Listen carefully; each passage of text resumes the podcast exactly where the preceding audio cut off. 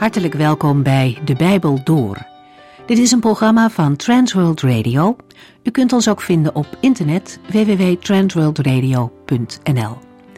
De Bijbel Door is een radioserie die in vijf jaar tijd door de hele Bijbel gaat. Van Genesis tot Openbaring, van kaft tot kaft.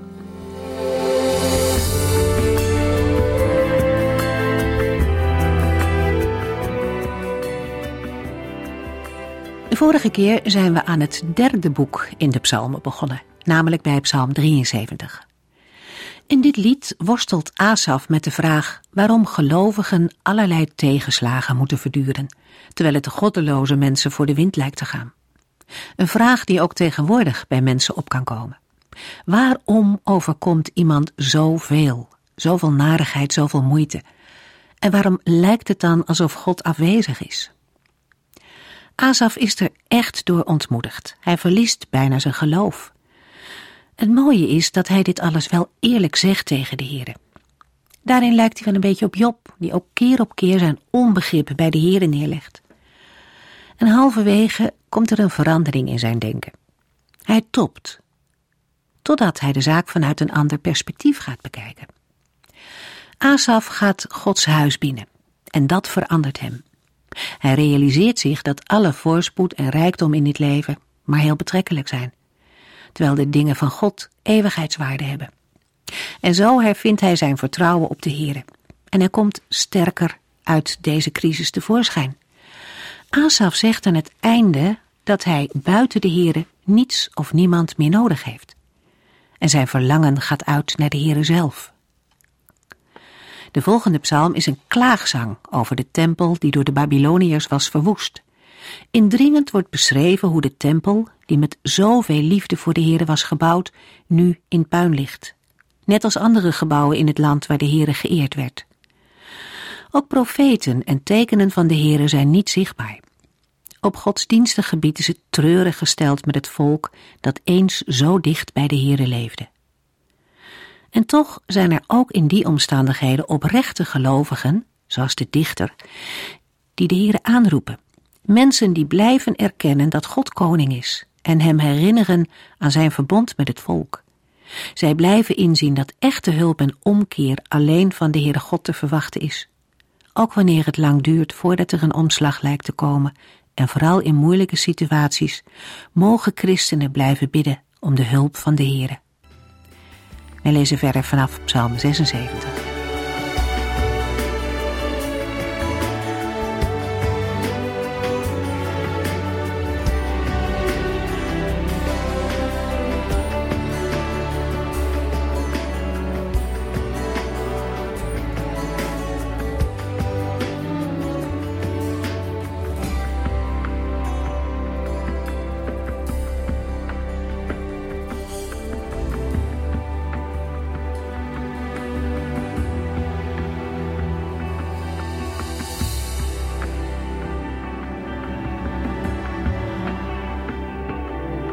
Psalm 76 is een van de liederen over Sion als centrum van Gods aanwezigheid. In de psalm wordt de Heer gedankt voor bevrijding. Mogelijk moeten we denken aan bevrijding van de Assyrische dreiging, zoals weergegeven in 2 Koningen 19 vers 35. Deze verklaring wordt gesteund door de Septuaginta, die in vers 1 vermeldt dat we te maken hebben met een lied op de Assyriër. Toch zijn er in de geschiedenis van Israël en Juda meer omstandigheden waarin de Israëlieten uitredding van vijanden mochten beleven. Er bestaat een redelijke overeenstemming over de indeling van Psalm 76. Na het opschrift lezen we in de versen 2 tot en met 4 een beschrijving van Gods grote daden voor Sion. In de versen 5 tot en met 7 vinden we een lofzang op de overwinning van de God van Jacob waarna in de versen 8 tot en met 10 het doel van Gods overwinning, de bevrijding van al de oprechte mensen, wordt beschreven. In de versen 11 tot en met 13 lezen we de gevolgen van Gods overwinning voor de gelovigen. Psalm 76, vers 1. Een psalm van Asaf, een lied voor de koordirigent, te begeleiden met snaarinstrumenten. De gebruikelijke informatie aan het begin van de psalm klinkt ons inmiddels vertrouwd in de oren. Psalm 76, vers 2 tot en met 4. Iedereen in Juda kent God. Heel Israël eert en verheerlijkt hem. Zijn huis staat immers in Jeruzalem en hij woont op de berg Sion. Daar heeft hij de wapens van de vijand vernietigd. Na het opschrift zet Psalm 76 in met de belijdenis dat de Heere bekend is in Juda en dat zijn naam groot is in Israël. De vermelding van Juda en Israël geeft aan dat de dichter de twaalf stammen van Israël bedoelt. Zij zijn door God uitverkoren en erkennen zijn heerschappij. Dat Israël en Juda dit doen, heeft te maken met de daden die de Heere door de geschiedenis heen voor zijn volk heeft gedaan. De Heer is vooral bekend geworden door de vestiging van zijn huis in Jeruzalem. Hij woont op de berg Sion. Vanaf de Sinaï trok de Heere van plaats naar plaats en in de tijd van de rechters of richters bevond hij zich op verschillende locaties. Uiteindelijk heeft David de tent voor God opgericht in Jeruzalem. Op die plaats vernietigde de Heere de wapens van de vijand en ontstond er een toestand van vrede. Deze beschrijving laat zich goed verbinden met het verslaan van het leger van Sanherib tijdens de belegering van Jeruzalem. Psalm 76, vers 5 tot en met 7. De geweldige bergen kunnen zich niet met u meten in pracht en heerlijkheid. U versloeg de sterke vijanden. Zij sliepen gewoon in. Geen van al die dappere krijgers had nog kracht om tegen u op te staan. Toen u zich liet zien, God van Jacob, konden nog paarden, nog strijdwagens meer iets beginnen. Nadat is beschreven hoe de Heere de overwinning behaalde, richt de dichter het woord tot God en prijst hem om zijn daden. De Heere versloeg de sterke vijanden. Bij sterke vijanden kunnen we denken aan de verslagen 185.000 Assyrische soldaten. We kunnen de woorden ook breder opvatten. Dan is er sprake van Gods overwinning door de eeuwen heen. Denk bijvoorbeeld aan het verslaan van de Egyptenaren bij de Rietzee. Psalm 76, vers 8 tot en met 10. U bent groot en beroemd. Niemand kan in leven blijven als uw toorn ontbrandt. Vanuit de hemel heb u geoordeeld en de aarde werd helemaal stil van ontzag. Toen stond God op als rechter en bevrijdde al de oprechte mensen op aarde. Ook in het derde deel richt de dichter zich tot God. Zijn oordeel is gericht op een specifiek doel: de bevrijding van al de oprechte mensen op aarde. Deze uitspraak plaatst de geschiedenissen over Gods oordeel over de Egyptenaren, over de vijanden van David en de Assyriërs in een bijzonder licht. Het geweld van Gods kant dat we in de Bijbel tegenkomen, is gericht op een positief doel. Psalm 76, vers 11 tot en met 13. Werkelijk, zelfs uw tegenstanders moeten u eer brengen. U houdt ze in toom. Doe uw gelofte aan de Heere, uw God. Kom ze ook na. Iedereen moet hem offers en gaven brengen, want hij is beroemd en gevreesd. God verslaat alle tegenstanders. Allen vrezen hem. Na het spreken tot God volgen enkele zinnen waarin over de Heer wordt gesproken. Het gaat daarin over de gevolgen die het oordeel van de Heer zullen hebben. Woedende mensen zullen vol ontzag de Heer gaan loven. Ook de overige woede-uitbarstingen worden in toom gehouden.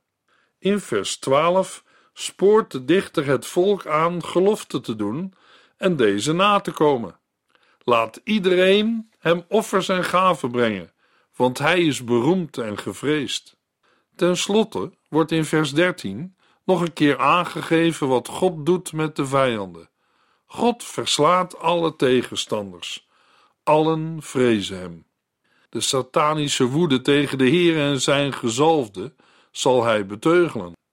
Psalm 72, vers 10 en 11 mogen we ook betrekken op de Heere zelf. Laten de koningen uit Tarsis en de andere buurlanden hem geschenken brengen. De koningen van Seba en Saba moeten hem belasting betalen. Laten alle koningen zich voor hem buigen en alle volken aan hem onderworpen zijn. Dat heil wordt in het Nieuwe Testament verder uitgewerkt. Jezus heeft in de reden over de laatste dingen in Matthäus 24 en 25 gesproken over het oordeel, waarin het weldoen aan hongerigen en gevangenen bepalend is. In het Bijbelboek Openbaring is de laatste eindstrijd mede gericht op de verlossing en verhoging van de martelaren. Openbaring 20, vers 4. We gaan verder met Psalm 77. Psalm 77 valt uiteen in twee delen. Het eerste deel, vers 2 tot en met 13, zet in met een persoonlijke klacht. Het tweede deel, de versen 14 tot en met 21, geven een beschrijving van Gods daden in het verleden. Deze beide delen vormen in zekere zin een tegenstelling, omdat de afwezigheid van de Heer in het heden wordt geplaatst naast zijn aanwezigheid in het verleden.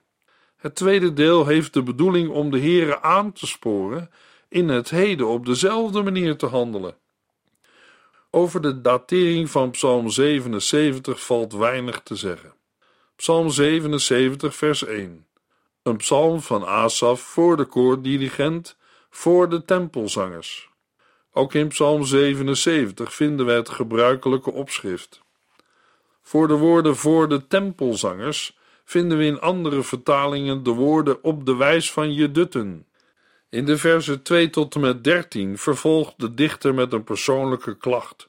Een paar fragmenten. Psalm 77, vers 2 en 3. Ik roep naar God. Ik richt mij tot Hem en verlang ernaar dat Hij naar mij luistert. Als ik het moeilijk heb, zoek ik de Heere. De hele nacht strek ik mijn handen naar Hem uit en wordt het wachten niet moe. Alleen Hij kan mij troosten. Vanuit de hachelijke situatie waarin de dichter zich bevindt, roept hij tot God en is hij op de Heere gericht, opdat de Heere naar hem luistert. Mensen roepen tot God als ze zich in ernstige nood bevinden. We zien dat vaker in de Bijbel, bijvoorbeeld door het volk Israël in Egypte, onder de macht van de farao. De dichter heeft al eerder tot de Heere geroepen, want als hij het moeilijk heeft, zoekt hij de Heere. Zijn handen bleven in de nacht steeds uitgestrekt naar de Heere. Voor Joodse begrippen een bekende gebedshouding. Ook wordt de dichter het wachten niet moe. Daarmee maakt hij duidelijk dat hij volhoudt in zijn zoeken naar de Heere en zich daarvan door niets en niemand laat afbrengen. In vers 4 maakt hij zijn moeite duidelijk door te zeggen dat hij alleen maar zucht en onrustig wordt als hij aan God denkt. Meestal verschaft het nadenken over God een gelovige troost en bemoediging. De dichter van Psalm 77 beleeft vooral tegenslag en moeite. Zelfs het denken over de Heere geeft hem onvoldoende troost. Hij overdenkt de dagen en jaren die voorbij gingen. Hierbij doelt hij op de daden van de Heer in het verleden. Voordat de dichter over Gods daden gaat spreken, zegt hij eerst nog meer over zijn geloofsworsteling. Hij herinnert zich zijn blij musiceren van toen. Blijkbaar is de situatie nu veranderd. Psalm 77, vers 7. Ik pieker over het verschil tussen toen en nu. In de volgende drie versen spreekt de dichter zijn klacht naar de Heer uit. Psalm 77, vers 8 tot en met 10. Heeft de Heere mij dan voor altijd afgewezen? Zal hij mij geen genade geven? Zijn zijn goedheid en trouw voor altijd opgehouden? Geldt zijn belofte niet meer voor de komende generaties? Vergeet God ons zijn genade te geven? Heeft hij de liefde en het medeleven uit zijn hart gebannen?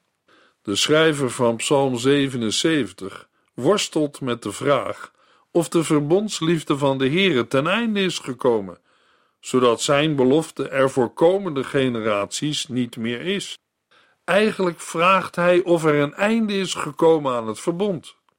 Een dergelijke overweging is buitengewoon ernstig, omdat het verbond de basis vormt voor het bestaan van Israël als volk. Definitieve verwerping van Israël houdt in dat het volk hooguit als een groep ballingen zal voortleven. De dichter vraagt in vers 10 of de Heere vergeten is barmhartig te zijn en liefde en medeleven uit zijn hart heeft gebannen. In de versen 11 tot en met 13 geeft de dichter van Psalm 77 concrete woorden aan zijn geloofsworsteling. Ondanks zijn tegenstrijdige gevoelens spreekt de dichter uit dat hij de daden van de Heere zal gedenken. Hij wil nadenken over de grote daden die God heeft gedaan voor zijn volk. Hij wil niet blijven steken in zijn eigen ervaring, maar Gods daden in de geschiedenis nagaan. Psalm 77, vers 14. O God, uw wegen zijn altijd goed en heilig. Wie is zo groot als u, onze God? De daden van God, die in de volgende versen worden verwoord, hebben vooral te maken met het wonder van de doortocht door de Schelf of Rietzee. Een gebeurtenis die in de versen 15 tot en met 20 op een levendige wijze wordt getekend. Psalm 77, vers 21. U leidde uw volk als een schaapskudde, met Aaron en Mozes als herders. In het slotvers wordt aangegeven dat God zijn volk als een kudde heeft geleid, door de hand van Mozes en Aaron. Psalm 77 is een getuigenis van de manier waarop een gelovige kan worstelen met geloofsvragen. Wij mogen op deze eerlijke manier met geloofsvragen omgaan. De vraag kan gesteld worden hoeveel ruimte de christelijke gemeente biedt aan dergelijke vormen van eerlijkheid. Daarbij is het van belang dat de genoemde vragen daadwerkelijk bij de Here worden gebracht. Het is onjuist om twijfel tegenover mensen te uiten en niet bij de Here neer te leggen. Hij is degene bij wie ook wij onze aanvechtingen mogen brengen. Dat gebeurt in Psalm 77 met een beroep op Gods vroegere daden. Zo mogen ook wij elkaar bemoedigen als Gods daden nu niet zichtbaar zijn. Door naar God toe te gaan, geven we Hem de ruimte ons te leiden en antwoord te geven. Gedenken is meer dan herinneren. Het is ook eruit leven. Gods wonderlijke wegen zijn uitgelopen op de komst van zijn Zoon naar deze aarde. Christus heeft ons de Vader bekendgemaakt. En toch kunnen gelovigen meer dan eens aangevochten worden, omdat ze Gods wegen niet begrijpen. Toch mogen zij zich toevertrouwen aan de goede herder, die bereid is zijn gemeente te leiden als een kudde. We gaan verder met Psalm 78. Psalm 78 is in een aantal opzichten bijzonder. Het lied is met zijn 72 versen na Psalm 119 de langste psalm in het Bijbelboek Psalmen. Ook vormt vers 36 het midden van het Bijbelboek Psalmen. Een opmerking die door de Mazoreten in de kantlijn van de Hebreeuwse tekst is bijgeschreven. Psalm 78 neemt ook een prominente plek in tussen de psalmen van Asaf, door zijn lengte en door de centrale plaats. Psalm 78 is een wijsheidspsalm, een didactisch lied of een onderwijzing. De psalm zet in met een oproep aan het volk om te luisteren naar God en om zich aan Hem te onderwerpen.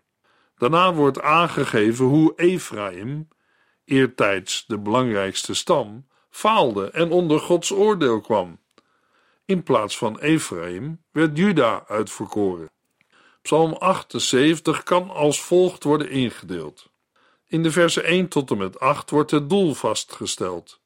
Israël laten luisteren en zorgen dat het zich onderwerpt aan de Here. In de versen 9 tot en met 11 gaat het over het falen van Ephraim en in de versen 12 tot en met 31 over de Here en Israël in de woestijn.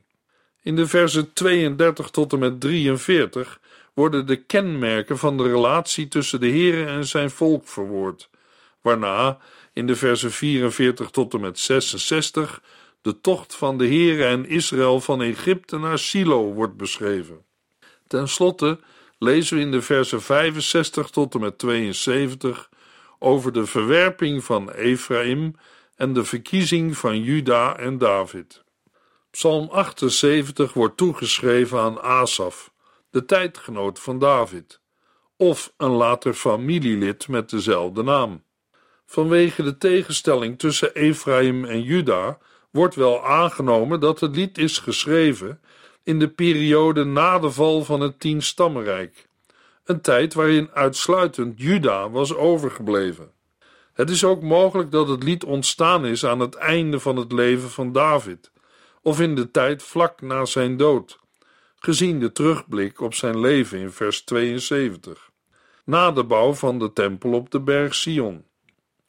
Volgens 2 Kronieken 5 vers 12 leefde de dichter Asaf nog tijdens de ingebruikname van de tempel van Salomo. Al in de beginperiode van de geschiedenis van Israël speelde de stam Ephraim een belangrijke rol. Het houdt verband met de bijzondere zegen die Jacob aan Ephraim, een zoon van Jozef, heeft geschonken. Tijdens de woestijntijd was de stam Ephraim de meerdere van Manasse in aantal en waardigheid. Het stamgebied dat later aan Ephraim werd toegewezen, ligt in het midden en vormt het hart van Israël. In de tijd van de rechters komt de prominente positie van Ephraim naar voren doordat het centrale heiligdom zich toen in Silo bevond. Het belang van Silo komt in Psalm 78, vers 60 naar voren. Daarom verdient een vroege datering van Psalm 78 de voorkeur. Al moet de psalm wel na de bouw van de tempel in Jeruzalem zijn gedicht. Psalm 78 wordt aangeduid als een leerzaam gedicht van Asaf. Psalm 78, vers 1 tot en met 4. Luister, mijn volk, naar wat ik u leer. Luister goed naar wat mijn mond zegt. Ik wil wijze dingen zeggen en u vertellen wat van oudsher nog een geheim was. Wat wij weten, hebben wij van onze ouders gehoord. Zij vertelden het ons. Wij vertellen het weer door aan ons nageslacht, kinderen en kleinkinderen. Wij vertellen hun over de grote daden van de Heere, over zijn kracht en over de wonderen die hij heeft gedaan. De psalm begint met een dringende oproep aan het volk om gehoor te geven aan de onderwijzing van Asaf.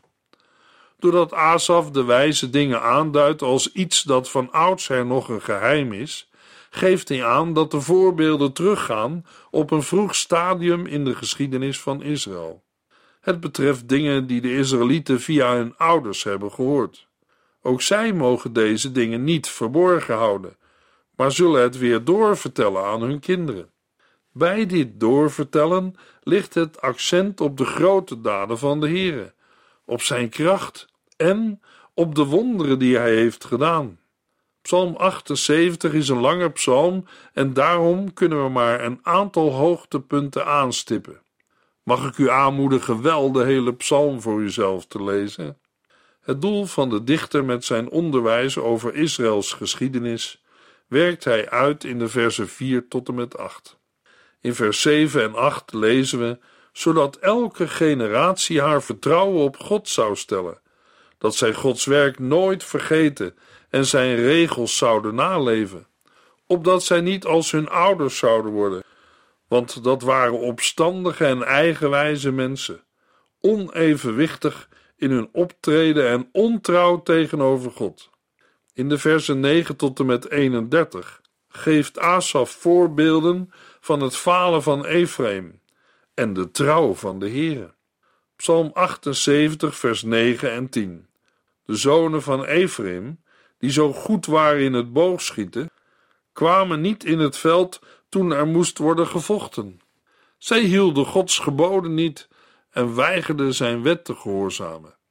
Vanaf vers 12 spreekt de dichter niet meer specifiek over Ephraim, maar over alle Israëlieten in de woestijn. Zelfs toen de Heere water uit een rots liet stromen, lezen we in vers 17 tot en met 19, toch bleven zij tegen hem zondigen.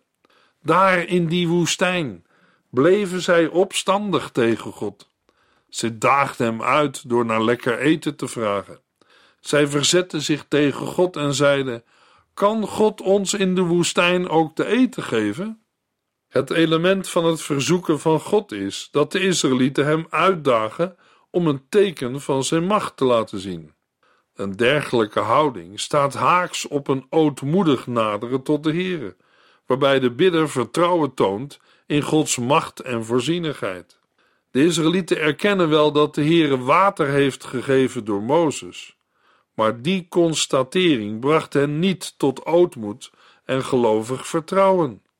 En na al de grote daden die de Heere voor zijn volk had gedaan, lezen we in vers 32 tot en met 34, maar zij leerden hier niets van.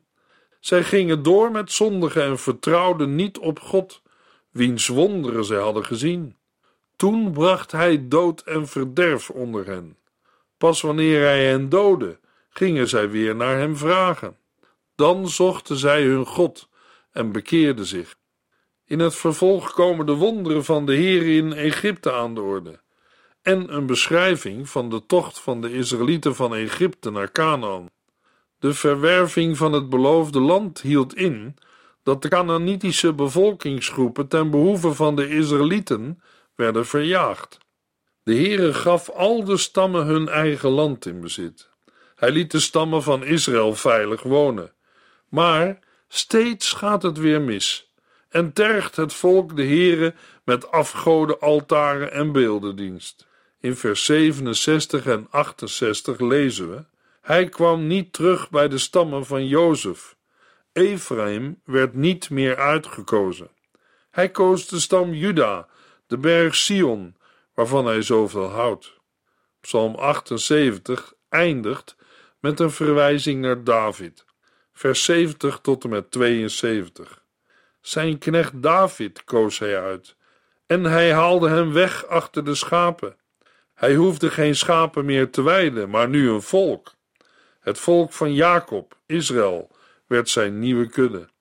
David weidde het volk met een oprecht hart en gaf het kundig leiding.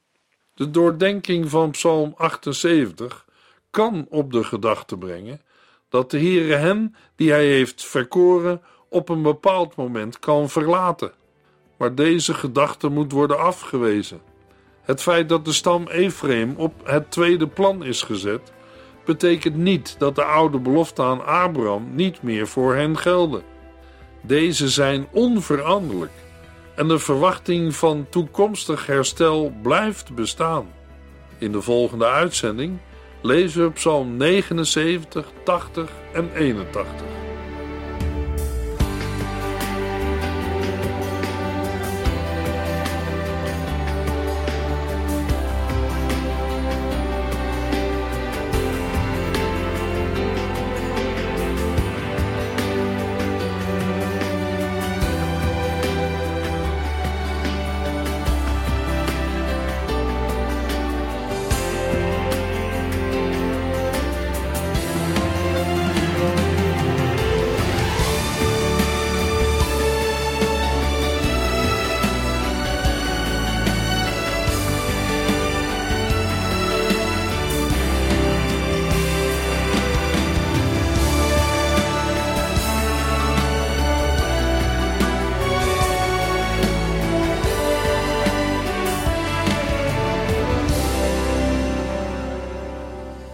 Eindigt deze aflevering van De Bijbel Door.